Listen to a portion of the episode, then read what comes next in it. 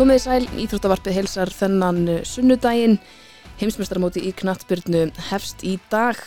Upphafsleikurinn eh, Katar Ekvator klukkan fjögur og svo rúlar þetta allt saman í einni beit frá og með morgun deginum.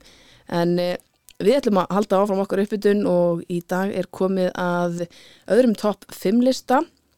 Að þessu sinni eru það Top 5 markumenn í sögu HM og ég er heldur betur komið með frábæra gesti til þess að rína í þetta með mér.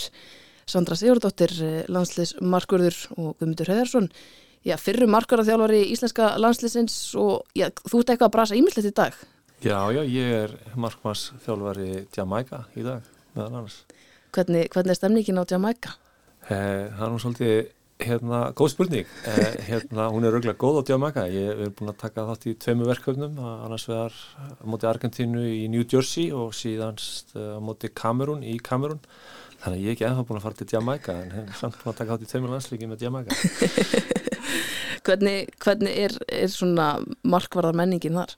Hún er góð, uh, við erum með mikið af, af hérna, nú segir við sko, nú er þetta bara partur af mér og, og, og heimi, um, við erum með mikið af góðum markmannum, eh, efnilegum markmannum sem búa og spila á Jamaica og svo erum við með markmenn í, í hérna, amerísku deildinni og það er á meðal besta markmannin í deildinni. Og búin að vera þrýsessunum kjörin bestur Blake og spila þar með Philadelphia, frábær markmannar og svo erum við með markmenn í, í deildunum þar fyrir neðan.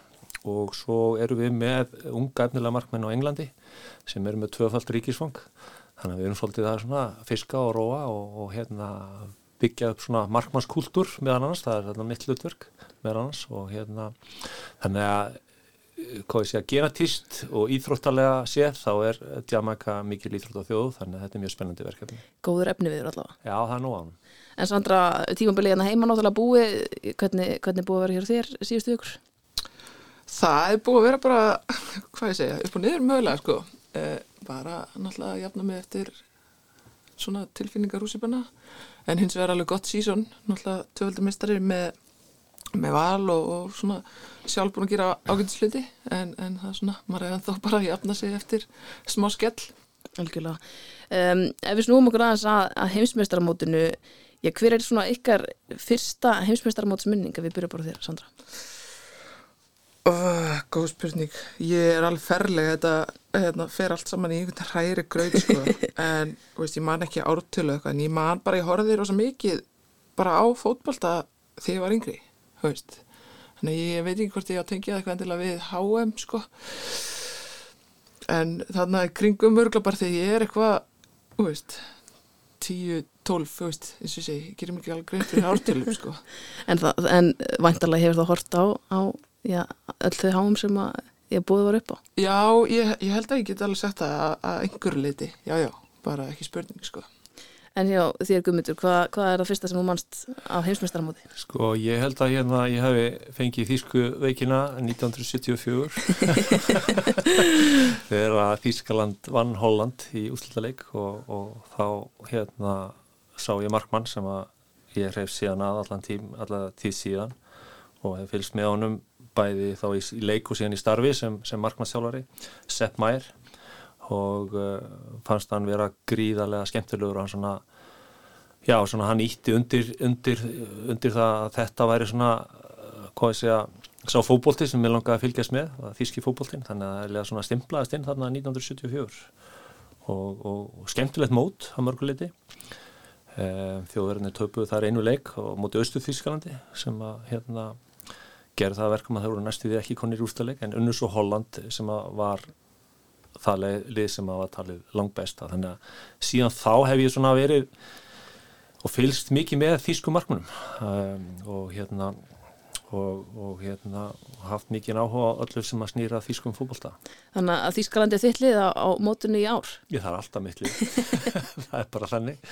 Og, og, hérna, og er mittlið í ár. Ég er ekkert að segja að vendingavísun til hann sé mjög há en, en þjóðverðar er nú bara einu sinni þannig gerðir að, að, hérna, að e, þeir svona þó er hafa ekki gert það undan farin tvö kannski stórmót spila vel þá yfirleitt e, þegar að vendingavísutalan er ekki há þá eru þau bara góðir. Þeir, þeir, þeir, þeir þekkja bara stórmót og vita hvað þarf í stórmótum en það sagan bara segir það, ústillaleikir uh, fimm sinum heimsmistrar uh, og svo framvegis og framvegis þannig að, þannig að ég kvíð engu fyrir þetta mót hannilega að segja sko, en þetta verður spennandi Sandra, hva, hvað er þitt lið í ár? Já, ég verður að segja svo gummi, ég hef alltaf hrifist mjög af, af Þísklandi og Þísku bókbalta sko. og það er eins og þessi, ég horfið mjög mikið á bara Þísku deildina þegar ég var svona að byrja að fylgjast með fókbalta einhverju ráði og, og hérna, veist, þetta er svo að svo mikið, það er svona talandum íþróttagén sko, það var talandum Jamaica en þjóðverðar eru það líka, mm -hmm. þetta eru bara svona róbótar, þetta eru bara velar og, og hérna bæði líkamlega og bara hvernig þjálfunin er, hvernig skó, liðin eru skólu til, veist. Þannig að hérna það er bara gaman að fylgjast með því sko. Það er einhvern veginn alltaf þegar maður er mitt býst ekki við neina á þýska landsliðinu sem að það mæti bara og, og gerir sitt. Já, já, já, en það hefur, hafa þeir og alltaf bara greiðla mörgum leikmennum að velja og, og hérna, svo er bara menningin þannig í íþjóttinni að þjálfunni er bara virkilega góð og mentalitetið í þeim, veist það er kannski hafa meira verið að sína svona, veist, að taka á því og, og þetta kefniskap frekar en einhverjar brálar tilfinningar svona gegn tíðana þó það kannski aukist, ég veit ekki Alkjörlega. Sko, ef við snúum okkar að markmannum uh, hvað engirir góða markmann, Sandra? Sko, í dag finnst mér að vera hérna, náttúrulega bara fókbaltinn búin breytast svo mikið og mér finnst við, markmennir, þurfa bara að vera svolítið góð í fókbalta og þá ekki bara að geta varið eitthvað upp í skeitin, það hjálpar vissilega, en, en bara að geta fengið boltan í fætunar og hafa þess að bara sömu sendinga á mótökutækni og aðri leikmenn út af því að við erum farin að taka bara miklu meira þátt í, í uppspili eða veist, losa, leysa pressu og, og svona og mér finnst skipta máli að, að hérna maður sé góður í, í, í því sko. Og svo bara líka lett aðgerfi sko. Það finnst mér að vera alveg ký út af því að þá getur þú gert svo margt sko. Erstu sammála þessu, hverju hver leitað þú eftir sem markmannstjálfari? Já, ég er alveg sammála því sem að Sandra að segja en, og það er það má ég alveg segja það að þetta hefur breyst, tíminn hefur breyst svolítið mikið og, og hérna og markværslega hefur breyst frá því að, að reglama svo að markmaður var náttúrulega fyrst og fremst hugsað bara til þess að verja og hann er það innan geðsalappi í dag. Við sjáum núna markmenn vera kiftir til liða eða seldir frá liðum að þeir passi ekki inn í taktikina sem liðir að spila sem er svona hljóma svolítið svona enginlega það því að hlutverk markmannsins er náttúrulega fyrst og síðast að verja. En uh, svona 75-80% af því sem markmaður gerir í leik í dag það er með fótunum. Eins fáranlegt að það hljómar og, uh, og stundum er markmaðurinn um, kannski uh, með snertingu og í tengslu við boltan í svona 2-3 ára og upp í 4-5 mínútur í hverju leik meðan útileikmaðurinn er kannski í 90 sekundur að jafnaði með boltan Þannig að markmaðurinn er að spila alltaf stærra og stærra hlutverk og hann er uh, allt frá því að vera sá sem að heldur markinu hreinu og líka sá sem að kannski hefur sóknarleikin eins og Sandra kom inn á þann. Þannig að ég leita, þegar ég er að leita eftir markmanni og, og, og það er náttúrulega það sem við erum að skoða núna til dæmis á Diamæku, er að við erum að leita markmanni framtíðarinnar og, og sjá hvað við getum gert fyrir framtíðina. Og þá viljum við byggja það þannig upp að, að finna markmann og búa til markmann sem er svona eins og hvað ég segja, ef maður ánótt eitthvað líkingu, þetta er svona eins og hjartalínuritt. Hérna, þú veist eh, stöðut og jamt hjartalínuritt. Það er uppskristin af topp markmanni, vegna þess að við viljum ekki þessu óreglu sem er upp og svo niður sem stundum getur komið eh, fyrir í leikmarkmanna en við viljum bara stöðuan og jafnan og góðan markmann sem að er einhverju skilu leikin eh, þekki taktík og getur í raun og veru framkvæmna sem að þjálfæri leggur upp með. Og er, þetta, þetta hljómar rosalega einfalt en þetta er gríðarlega flókið og þetta kallar á mikla vinnu og uh, þetta kallar á fókus og einbindningu þannig að markmaður þarf að hafa gríðarlega fókus hann þarf að gríðarlega einbindningu og hann þarf að í raun og veru að fylgjast með leiknum frá aðtilu frá upphafi til enda hann getur ekki leift sér að blikka á augunum til þess að kvíla sig vegna þess að hann þarf alltaf að vera restaðstur uh, með við stöðu boltans og, og þróunleiksins Sko nú er því kannski alveg hlutlaus en er þetta erfiðasta staðan á vellinum? Getur alveg verið það, já veist, og þá erum við ekkit endilega að tala um eitthvað líkamlega sko. Nei, já, sko, en, já, já. hún kannski er það innan gæsalapa líkamlega vegna þess að það er oft talað um það að markmaðurinn þurfi í raun og raun fattist að geta gert allt. Já, Það er svona eins og sko, ef við horfum á frjálsaf íþrótir þá er markmaðurinn svona eins og tökþróttamæðurinn hann getur, hann tekur langklöpin, hann tekur sprettlöpin, hann tekur stangastökið, hann tekur spjótkastið og svo kolla kollið, skiljum. Meðan að, meðan að við erum með sko sprettlöpara, við erum með e, langklöpara, við erum með stangastökvara, en hann þarf að geta gert þetta allt.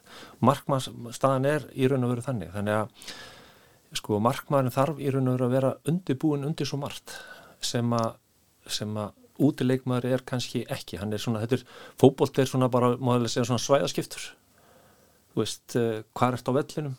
Og taktíslega, og fókbólt er rosalega taktískur í dag, miklu mm -hmm. taktískar í dag heldur en það fyrir mörgum árum og, og þannig að ég, ég vil minna það, ég er náttúrulega eins og þú sagir, við erum kannski ekki hlutlegs, ég vil minna þetta sé erfastastafan og eins og mikið vasta, vegna þess að, að sagði nú eins og neitt góðu þjálfari að hálna verki að byggja upp gott lið er að vera með góða markmann.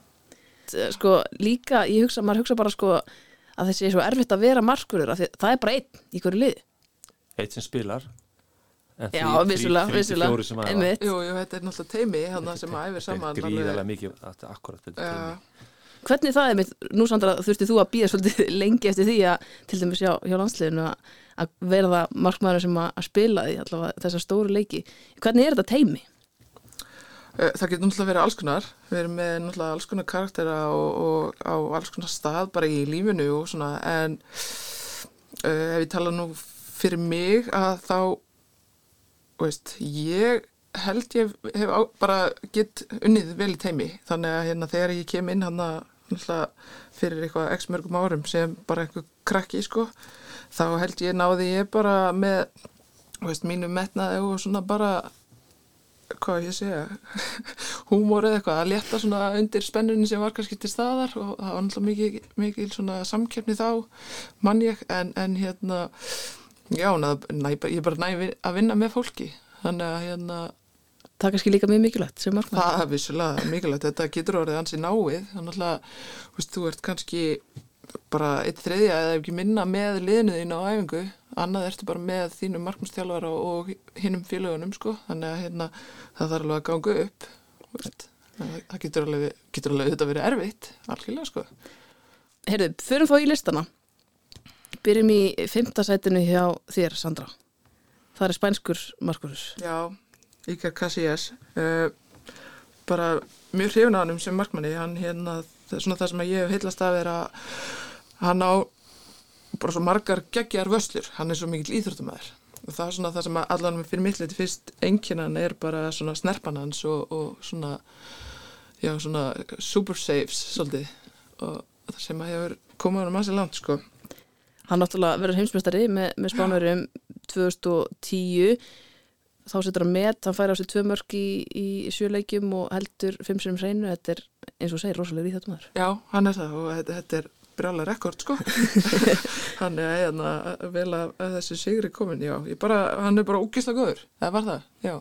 Og er eitthvað, er eitthvað annað við hann, þú veist, attitútið eitthvað svona sem að... Já, svona mátulegt, þú veist, það er fast ekki verið svona hróki og um heldur, jú, bara gott presens og, og hérna, svona, jú, að vinnir attitút, sko, á þess að vera of mikið, sko fáum kannski að heyra þína skoðan á Casillas og eftir Guðmundur, hann, ef við hérna, spillum aðeins fyrir hlustundum að hann er á þínum lista líka en hver er í fymtasæti á þér?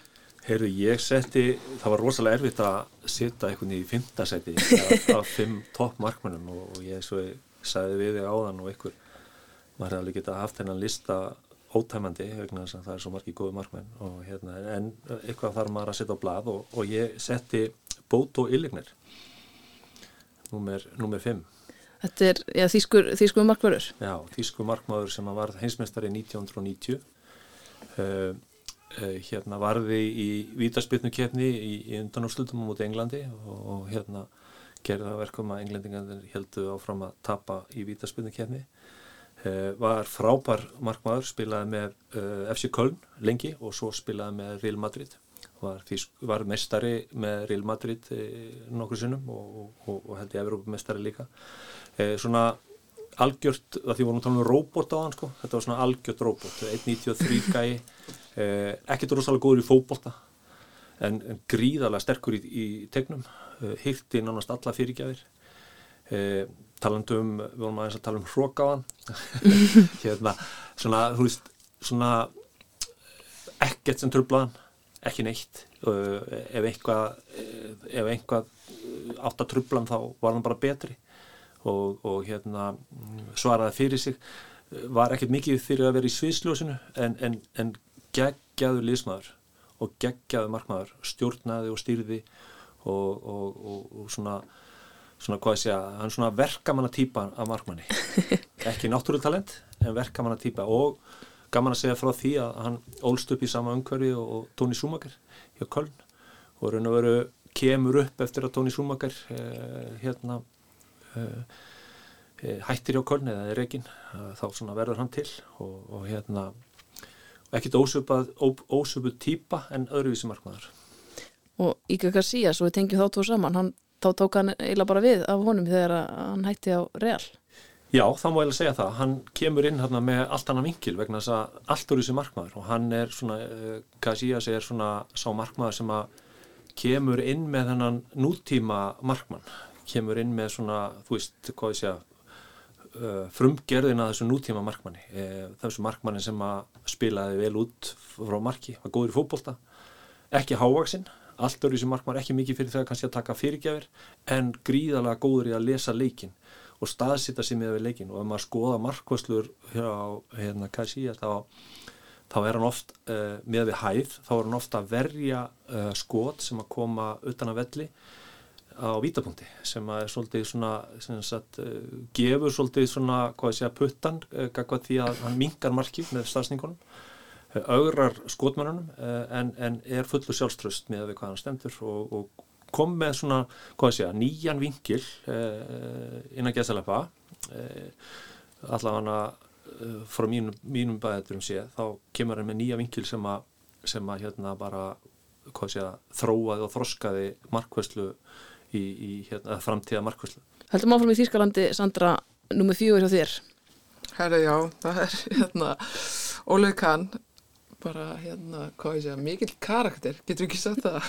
Hann er örgla við svona reyði stjórnunar vandamálastriða og enn. Og enn já, já, einmitt, maður hefur heyrt það.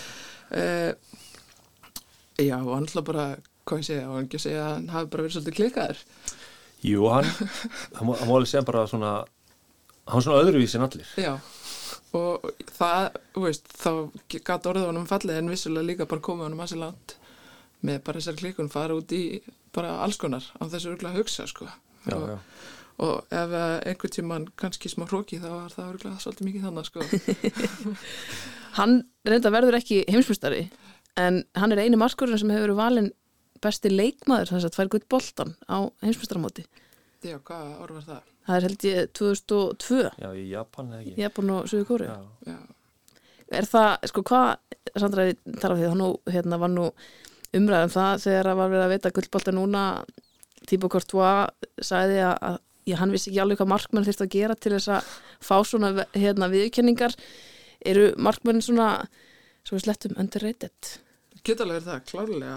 Því að Eftir, ég veit náttúrulega ekki hverju standa á baku það að velja svona, skiluru, en, en, en það vantar kannski stundum bara að skoða það svolítið ítalega hvað einmitt markminn er að gera og hvernig, veist, það er oft hort, bara á þessar hérna, þrjusu vöslur sem að lúka vel í sjóorpinu mm -hmm. því miður og þær eru flottar og, mm -hmm. ég ætla ekki að taka neitt af því mm -hmm. en, en einmitt, öll hinn vinnan sem við erum búin að tala um bara, veist, ef við hugsa um sendingarhlutfall, staðsendingar og bara svona þessi orka sem við vart að gefa varnarlínunniðinni og er vinninni bara að það séu fá atrið það sem þú actually þarft að hafa fyrir hlutunum það lukkar allt auðvelt og það er ekkert sjálfgefið sko, finnst mér. Já, þar eru við með, með dæmið með Casillas. Já. og hann kannski varði ekkert eins og, eins og brjálæðingur en hann gerði, hann let all líta svo einfalla út. Þar að því að hann var að spila leikin öðruvís en hinnir Sko, Ólíu Kahn, Þýskur við höldum áfram í Þýsku þema í fjórðarsæntinu í að því erum við Sepp Mægir Sepp Mægir, eh, það er sá sem að hérna fekk mig til þess að verða svona hálf tískan hérna, Ber ábyrða á þessu? Já, hann ber ábyrða á þessu. Sko, við vorum að tala um sko svona hann er svona opposite, eða svona öfugt við hérna Oliver Kahn. Og það er í raun og veru fáralt, ég skulle ekki vera með Oliver Kahn á þessu lista, en, en, en þú veist, ég varði einhvern veginn að setja hann út.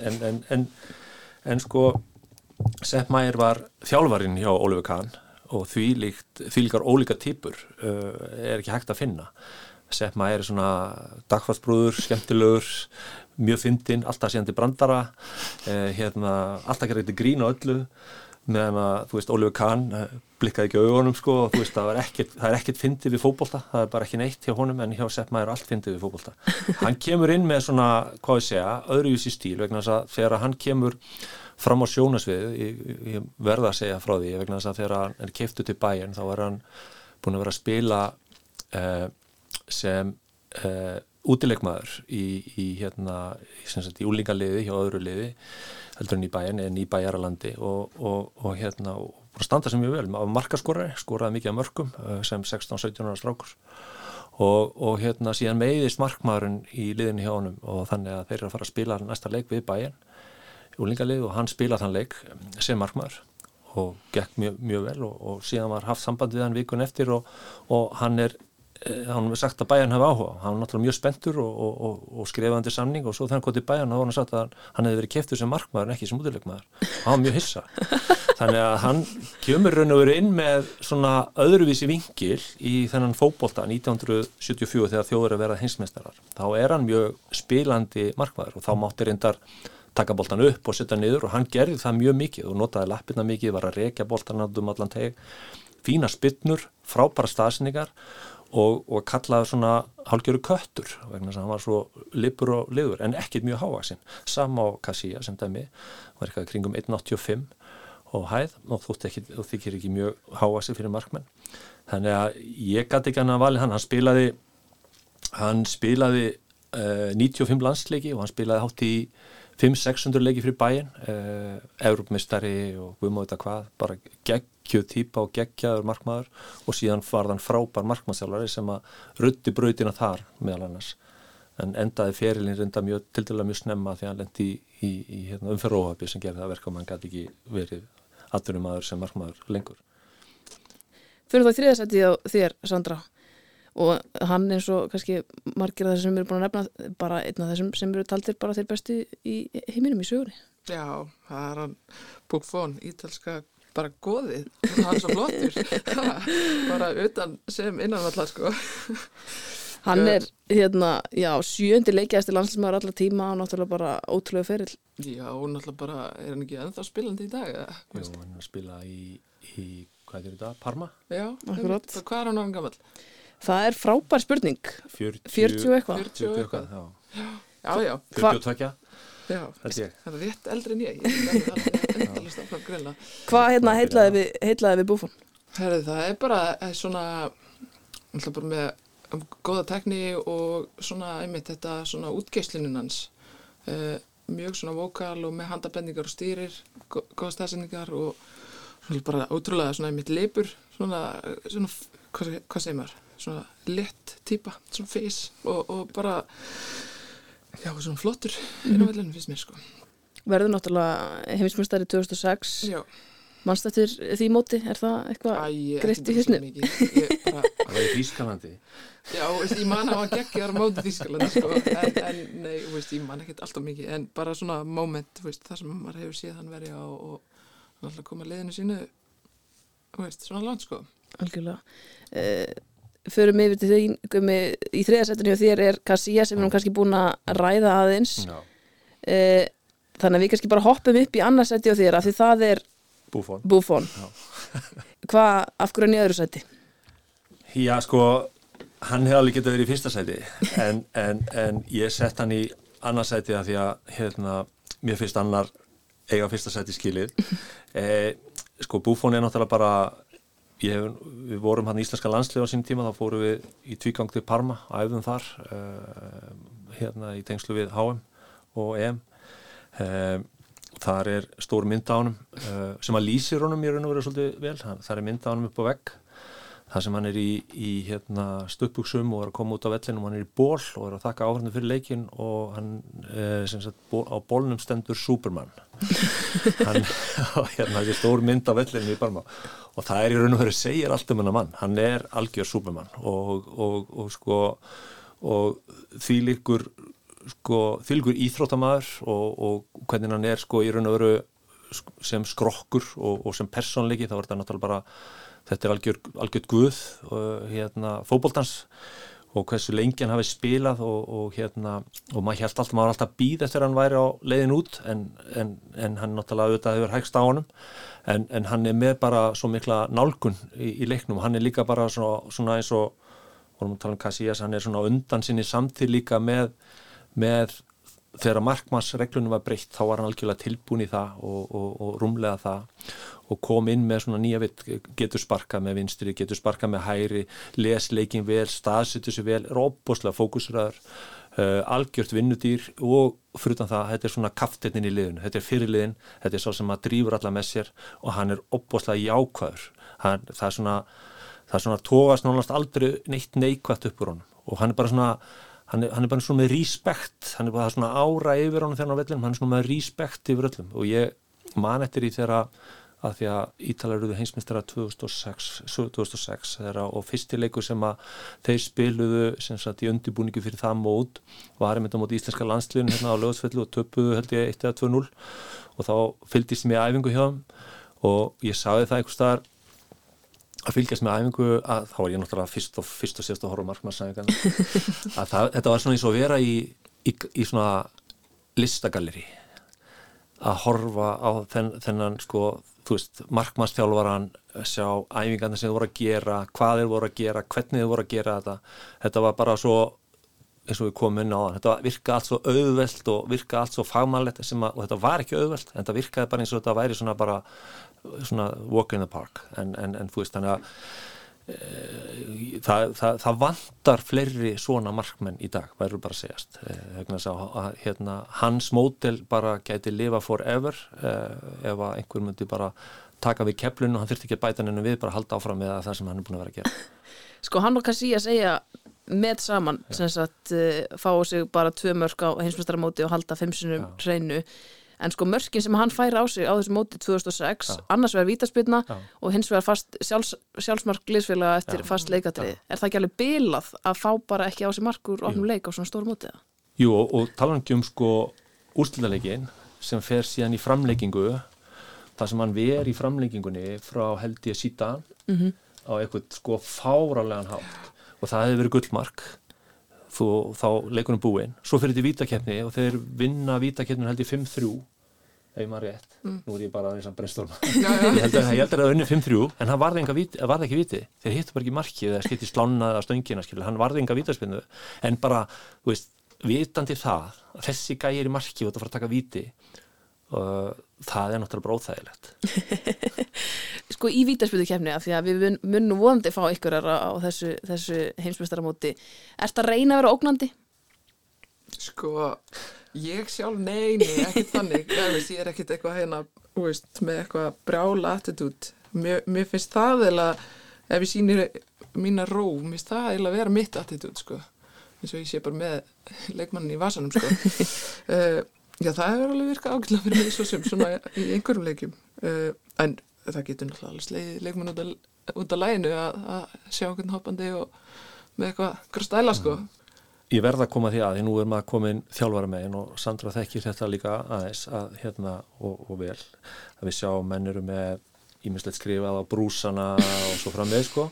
Að því að nú er sko, nú er undirbúningur fyrir svona mót, hann er gríðalegur og undirbúningur hjá markmannsjálfara og, og, og, þjálfara teiminu er gríðalegur og til dæmis þegar við fórum á HM og við fórum á EM að við fórum ymitt sko, við þurftum þegar sérstaklega á EM þá vorum við að fara í 16 ljóslið, við vorum að fara í 8 ljóslið og þá þurftum við undurbókur fyrir hugsanlega vítakerni og það fóru alveg sko til dæmis fyrir leikin á móti Englandi sem vunum að þá fóru alveg hátt í 30 tímar í að, að finna viti hjá öllum leikmunum Englands og sitta þau upp í eitthvað svona skema og vita síðan ekki sko, hverjir eru fyrstu fimm og svo kolla kolli. Þannig að þetta þurftur að undibúa til þess að geta sagt markmannum hvað gæti gæst en auðvitað eins og Sandra þekkir, auðvitað ert ekki að fara með einhvern videokup af, af hérna tvekja tíma hérna videospilnum frá anstæðingum,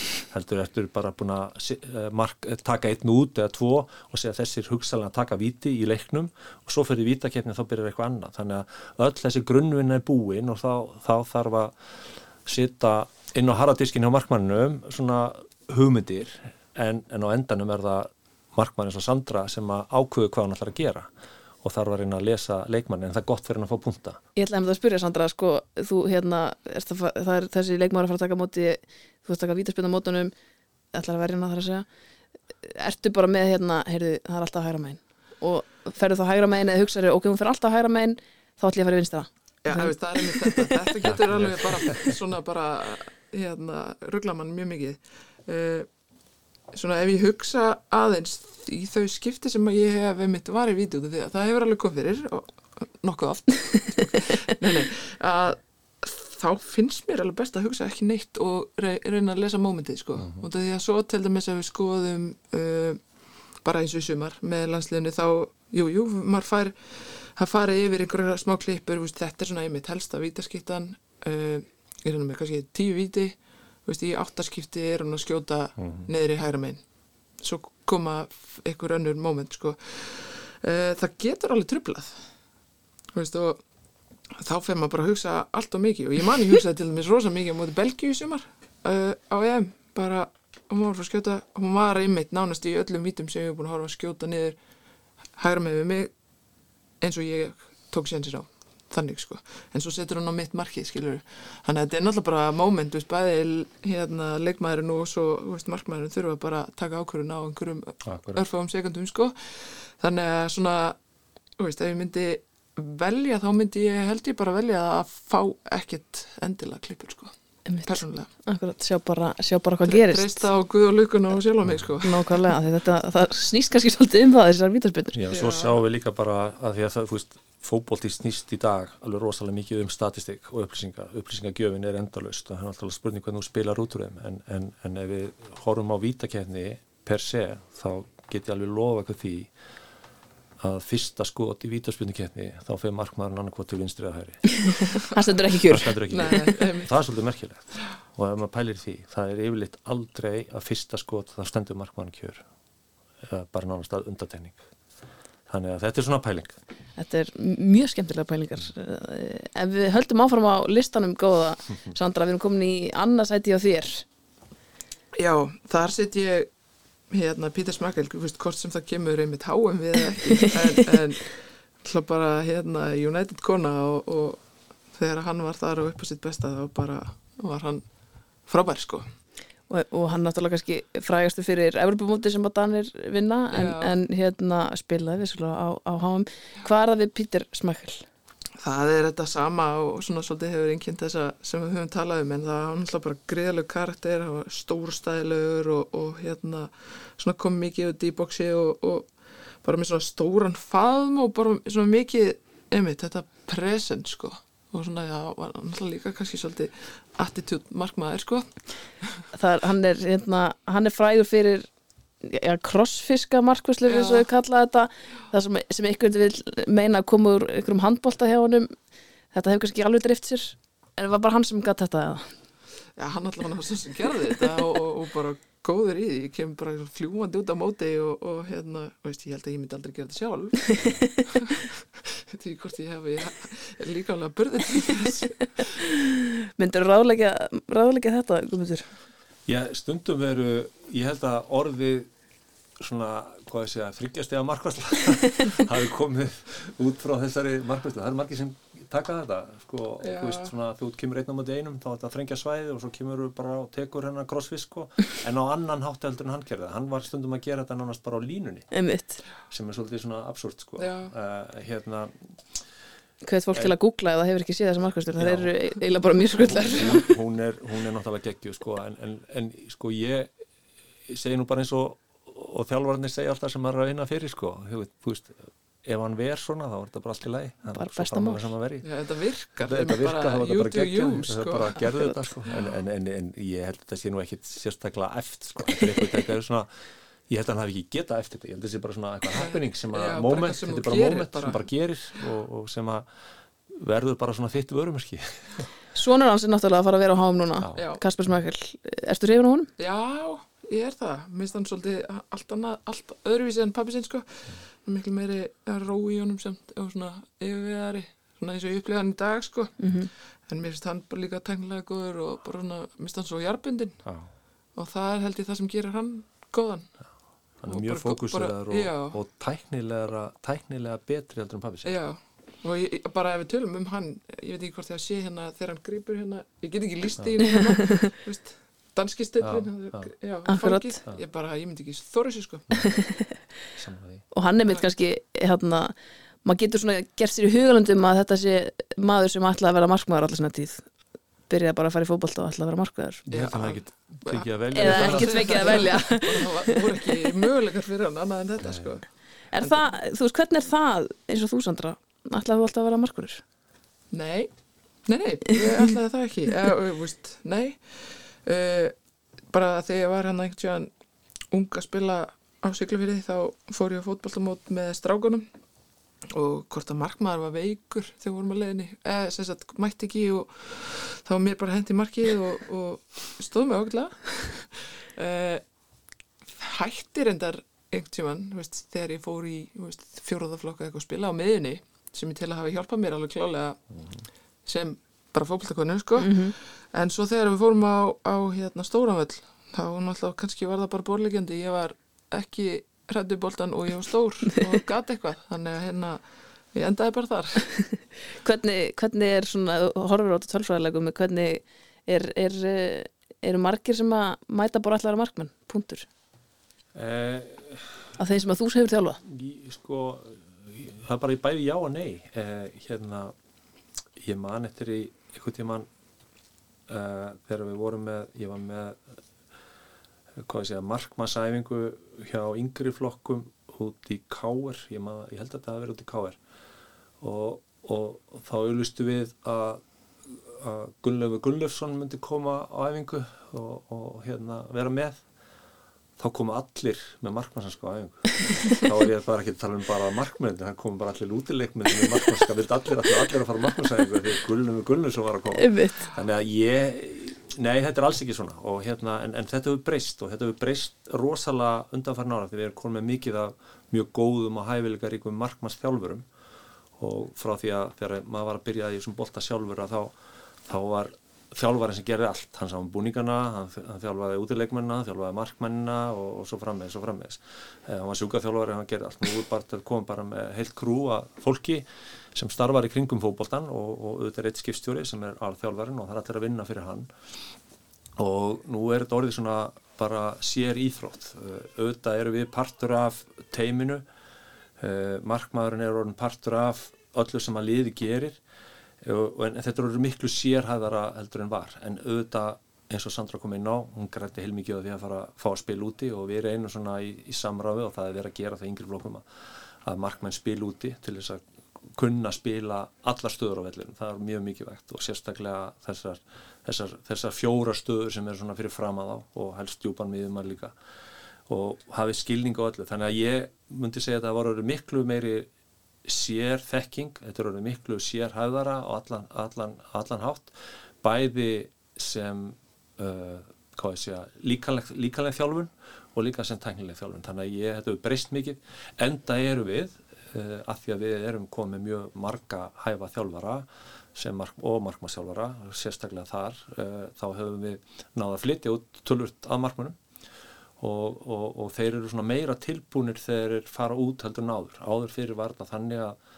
maður fekk kannski svona bara orði í eira þegar maður var að selja, var að vera að selja markmann út af því það var svo margt sem maður vantaði upp á. Og, og maður tekur það bara sem, sem lærdóm og hefur náttúrulega þróa sjálfan sig í því að, að hérna, vinna í þeim hlutum að þegar markmaðurinn er tilbúin að fara út að þá er hann tilbúin í æfingarnar úti og tilbúin að fara bara jafnvel að spila viku setna sem var ekki áður. Þannig að það, veist, við erum að breyta okkur og, og, og, og þró okkur og ment okkur sem gerir það verkum að fókbóltinn á endanum verður betri. Það er bara hugmyndafræðin á baku þetta. Þá er það nummer eitt og það er sami hjá okkur báðum. Sandra, Hver skildi það vera? hver skildi það vera? Sandra, byrjum á þér. Af hverju er Manuel Neuer nummer eitt? Uh, út af því að hann er bara held ég svo besti í heimi í dag sko og hann hérna er náttúrulega veist, þýskur. Eins og margir sem við erum búin að nefna hér í dag. Hann er náttúrulega bara gríðarlegur íþróttumæður uh, og hann er hérna bara svo ógeðslega góður í fókbalta og það sem að við höfum verið að tala um þetta hvernig fókbaltin hefur breyst þessi ný, nútíma fókbalti að, að hann er bara svo grilla mikilvægur í einmitt bæði varnarlega og í uppspili og, og bara stöður sem hann er að koma sér í og leysa þær út af því hann er svo góður í uh, þannig að hérna hann bara er algjörlega aftast í varnamæður langt fyrir utan teg ofta tíðum og, og hérna já það gerir hann náttúrulega svolítið eða svona, hann er svona sér á báti mér finnst hann það yfirbróð góður þar. Uh, en svo náttúrulega er hann, eins og sé, mikil íþróttumæður þannig að hann ver vel, hann er hugrakkur hann fer í fyrirgjær hann er staðsettur sér vel, veist, hann hefur svona eilaði mitt þetta allt sem vorum að tala um áðan, veist. Korfólda, íþróttumæður staðsetningar, lesleikin skilur hvað liðið er að gera og um hvað fókbalti snýst, sko. Það var einmitt, þegar þeir verða heimsmyndstara 2014 þá var mikið talað um, tala um sweeper keeper. Mhm. bara þetta, þetta þessi aftasti, aftasti maður. Já, sem hann kannski bara er eiginlega fyrstur til þess að fólk sé að tala alltaf mikið um sko. já, menn hann hann er ekkert bara inni í bóksinu og býður þar, sko. Nei, hann var eiginlega raun og veru sko hann fór alveg langt út fyrir það sem að þótti eðlilegt. Akkurat. Hvað það var, hann var í raun og veru stundum að vinna tæklingu við hotfána eða sóla þessu sóla við hotfána Já. svo var hann stundum uh, á miðjum vellinum að stýra uh, uppspili þegar það þurfti að uh, jafna leik eða, eða koma upp sigumarki þá stóð hann bara á miðjurringnum á vellinum og var að stjórna þar spili. Mhm. sem að hérna svona, hann er markmaður sko.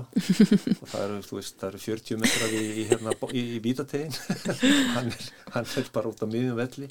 Og, og ég verð nú eiginlega hérna, tala um það eins og Guardiola uh, segir að hann sé innan gæðslega besti leikmaður sem hann hefur þjálfað. Einhvern tíma sagði hann það. Mhm. og þá var hann ekki að tala um endilega markmann hann tala um leikmann. Og hann sagðist oft hafa verið að spá í það að láta hann spila jafnvel bara á miðjunni eitthvað búndislíkuleik en, en, en það hefur bara fallið í grítan jarfið, það hefur verið svona þú veist, eh, hort á það sem, sem svona hál, hálgeran hróka og eitthvað nýðulengu, en hann sagði bara hann, hef, hann, hann, bara, hann hefur hæfileik í það. Hann er bara það góður. Og, og ég man eftir í hérna í einum Evrópuleik eh, í Champions League þegar að Bayern var að spila setnileikin á móti Napoli og þá var uh, Frans Beckenbauer sem að þá var fórseti Bayern, hann var uh, sem sagt heiðu fórseti og, og hann var í, í hann var, hann var svona aðstofamæður í, í sjónvarsal og þá var að vera að lýsa leiknum og, og Bayern var að vinna eitthvað í hálfleik 1-0 og, og svo í setni hálfleik þá, þá og þá var að spil, hann var, þeir notaði mikið uppspili og hann notaði hægri fótinn nánast bara engöngu og var að gefa sendingar hinga og þanga og þannig að þeir koma alltaf með tvo, eitt bara sem hleypur beint á hann, eitt sem hleypur og pressar hægri fótinn á hann. Þá sett hann bara boltan yfir á vinstri. Og gerði nákvæmlega saman með vinstri fæti. Og var aldrei búin að sína vinstri fótinn og þá sagði Bekkabor, ég vissi ekki að þetta væri hægt sko. og það er akkurat þetta sem hann hefur sem að marga hennar skortir. En hann er með þennar leikskilík og hann er náttúrulega ekki unglamb lengur en hann er í geggjöðu standi. Ég ætla einmitt að spyrja, spyrja það, hann er náttúrulega á leið á sitt hvað, fjórða Já. heimsmyndstaramót núna fyrirlið þýrskaliðsins sem náttúrulega floppaði gjörsamlega á síðasta heimsmyndaramóti getur hann ennþá þetta sem hann gerði til dæmis 2014 hefur verið heimsmyndarar Já, Já, já, já, já, já, já, já. ég það sko. Sumir verða bara betri með aldrinum. Nei, nei, jú, ef hann, þú veist, hann alltaf bara, hann vissulega eitthvað alltaf svona kemur fyrir einhver smá meðsli og nýbúin að vera það held ég mm -hmm. í aðeins meðsla brasi Já, en, en eins og þú veist, hann, hann er ennþá þarna á þessu leveli þannig að hann kann alveg hugsa um sig og náttúrulega bara þeir eru með greiðlegt teimi hann að nóti í, í kringu sér legna og allt þetta lið og, og já, hann er náttúrulega bara íþróttamæður út í gegn. Ég hef engar áhyggjur af honum, sko. Og hann æfir ymmit sko á hverju æfingu þá kemur hann alltaf inn í það sem er verið að halda bolta og spila og þú veist þá er hann bara að nota fætnar þar er hann alltaf, fer, hann fer svona í svona, þetta er svona ringega sem hann kemur alltaf en svo er hann alltaf með svona eina æfingu viku sem er svolítið svona úr takti við það sem er gert hér í dag.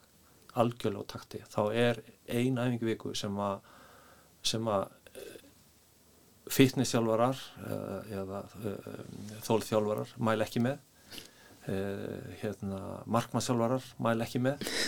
Uh, þjálfarar mæla ekki með. En hann er bara með eina svolítið sæðingu viku þá er hann bara einn með markmannsjálfarnum í klukkutíma.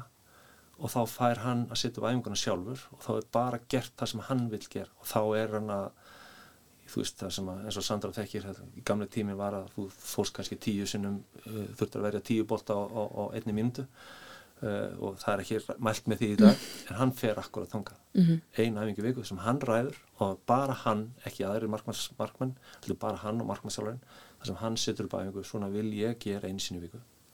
Og, og, og, og hann, hann bara er, það, það bara kyrti yfir hann og þetta er nú ómönsk æfing það sem að er raun og veru það sem að allar reglur eru brotnar en, er, er, en, en það sem þetta, þetta gerir að þetta gefur honum eitthvað að þetta honum finnst hann verða að gera og það við sem þjálfarar verðum svolítið að hafa augun opum fyrir því að stundum hjálpar þetta leikmannunum og ef þetta hjálpa leikmannunum þó þetta brjóti allt sem að, hérna, við erum búin að læra og svo framvegis þá verðum við kannski að taka til þess mm -hmm. Er þetta svo markmaður sem þið eru spenntust að fylgjast með á þessum úti? Já, já og nei sko. Já, já. veist, það Einhver... er bara, er alltaf gaman að fylgjast með honum en, en þetta eru þarna á þessu móti bara fullt af öðrum spennandi markmennum sem við höfum bara ekki talað um en, en gætu bara bara blóstara sko, ekki spurning það er mikil gæði þannig Já, það er mikil gæði, það er allir að tala um Hansson Becker, frábæmarkmaður geggjaða markmaður og, og hann er búin að spila einhverja 60 landsleiki og svo er að tala um Edison sem er líka frábæða markmaður hann er ekki búin að spila nema 18 landsleiki eitthvað svo leiðis fyrir, mm -hmm. þannig að það sjáum við muni og þeir eru jafn gamlir eða mm -hmm. 30 og 29 og svo eru sko Argentina, það voru að tala um að þeir getur verið heimsmystrar og þeir eru náttúrulega með markmann sem er að spila í ennsku úrstildinni sem er frábæð markmann, búin að vera varamarkmann e, e, lengi og ekki fá tækifæri, það má alveg kannski setja hann í svona smá hérna, samansammerkjum villi hans og, og söndur, kakvað landsliðinu og hann kemur hann bara óvandinn í landsliði fyrir nokkrum árum, var, var ekki þar, en geggjað markmann. En sá markmann sem að ég er spenntastu fyrir að sjá, það er markmann Kamerún. Já. Og uh, hann er að spila fyrir Inter Milan og ástæðan fyrir ég, ég er spenntastu fyrir að sjá hann e, e, ég bara því ég veit að kamerúnlið er gott. E, þeir eru betri varnarlega heldur en ofta áður. Þeir eru með geggjað miðju og þeir eru með náttúrulega bara fáranlega góða sókn. Og svo eru með geggjað markmann. Og hann var, ég er búin að sjá hann að markmann spila ég sá hann spila með Ajax fyrir nokkur árum. En að sjá hann spila í ég veit ekki hvort þú sjást það í Champions League á móti Barcelona með Inter. Nei, ég sá ekki það geggjaður í þeim leikjum báðum leikjunum. Og hérna ég held að þið heyrðu það fyrst hér. Ég að, ég held að hérna, kamerun geti komið óvart okay. og þá ef kamerun kom óvart þá verður þessi markmaður að, að hérna, uh, eiga gott, gott mót sem að ég hef fulla trú á, að hann geri. Þetta er stór strákur, 26 ára gammal og, og, og heitir Andri Ónana og hérna er uppalinn hjá Barcelona í öllum múlíkaliðum uh, eh, seldur til seldur eða fór frí transfer til Ajax og frá, frá, lendi síðan í einhverju banni út af uh, hvort það var ónæmislif eða, eða asmalif sem að hérna, fekk reyndur eitthvað sex mánu í bann eða, eða kannski meira. En, en er núna að spila fyrir Inder og, og er spennandi markmaður en hvort hann er betri en, en Manu Nóir er ég ekki bendilega vissum Hvað er þú spenntist að sjá, Sandra? Já, bara, veist, eiginlega alla, eða skilur, eins og við höfum verið að tala um að, að það, þú veist, þá hafa markmenn breyst svo mikið. Fókbaltinn er breyst en bara einmitt þessi nútíma fókbalti út af með bættir þjálfun og meira áherslu á að þjálfa markmennina að og kannski ástæðan fyrir því einmitt að fleiri yngri krakkar eru farinir að byrja fyrir í, mar í marki mm. er einmitt út af því að bara markminn eru orðinir spennandi mm. þeir eru orðinir svo flottir þetta er svo miklu íþróttamenn núna og bara það sem þeir eru að bæja framkama og einmitt svona gæði veist, í fólkvölda líka þannig að hérna, já ég bara veist, ég gæti alveg ekki eitthvað valið sko Þetta er bara vissla að fá, fá að sjá hérna bestu markmann heims. Það er það. Og líka bara sjá síðan einhver kannski nöfn sem að maður hefur ekkert mikið séð. Veist, eins og það minnst alveg spennand að sjá hvað spænska leiði gerir Engin degi eða náttúrulega. Já, einmitt, er, er svona nöfn sem að kannski áttu eða voru áður Það er ekki. Nei, hann hérna, hvað er hann, Ræja, ekki? veist, hann er búin að vera að spila vel með í Brentford Já. Já, veist, það er bara spennandi að sjá hvernig hann plöma sig og, og hérna eins og segja og svo, svo er svo gali sko þú veist ef við sjáum bara tökum bara Þískaland sem dæmi, þú getur tekið fleiri lið uh, þú ert með eitt besta markmann í spænsku deildinni uh, er Stegen mm -hmm. hann er varamarkmann Þískaland þú veist, þetta er galið sko. Mm -hmm. og þetta er raun og verið að vera að spila og, og hérna, þannig að þú veist, svona eru sko, þú veist, það eru kannski markmann nummið fjögur og markmann nummið fimm og hverju landi sem eru söktar verður ekki valdir. Þannig að þú veist, þú veist hérna, breyttin eru eins og svakalega áður fyrir var þetta bara einn klár ekkert, engin annar átti séns. Og þetta er bara ekkert bara hérna hjá okkur á Íslandi, þetta er út um allt, þetta er bara breyttin eru aukast, af því að þjálfurinn er að vera betri og, og, og, og vittneskjan á bakvið það sem við verðum að gera er að vera betri. Meiri samkefni vantarlega sem meiri- er þá alltaf meiri- betri. Líka bara þetta hlutverk sem markmaðurinn hefur í dag hefur einmitt bara en það er stekkað eitt sem hefur ekki breyst sem er, mér finnst alltaf jafnvæntum að það er í knarspunulegunum það stendur að fótbolti sé hérna leikur 11 mot 11 og þar af skal einn vera markmaður. Já, það er skilda ef við getum draga ef að það muni breytast eitthvað hérna á næstunni. Ég held að þetta séu frábær loka orð eh, Sandra og Guðmundur takk hella fyrir spjallið um allt sem við kemur markmunum held ég. Uh, heimsmestarmótið eins og uh, kom fram hefst á eftir í dag, sunnudag og rúla svo stað hér á rúf allir leikinir í beinni útsendingu HM stofa á undan og uppbytun og uppgjör og allt saman. En Íþjóttavarpið þakka fyrir sig í dag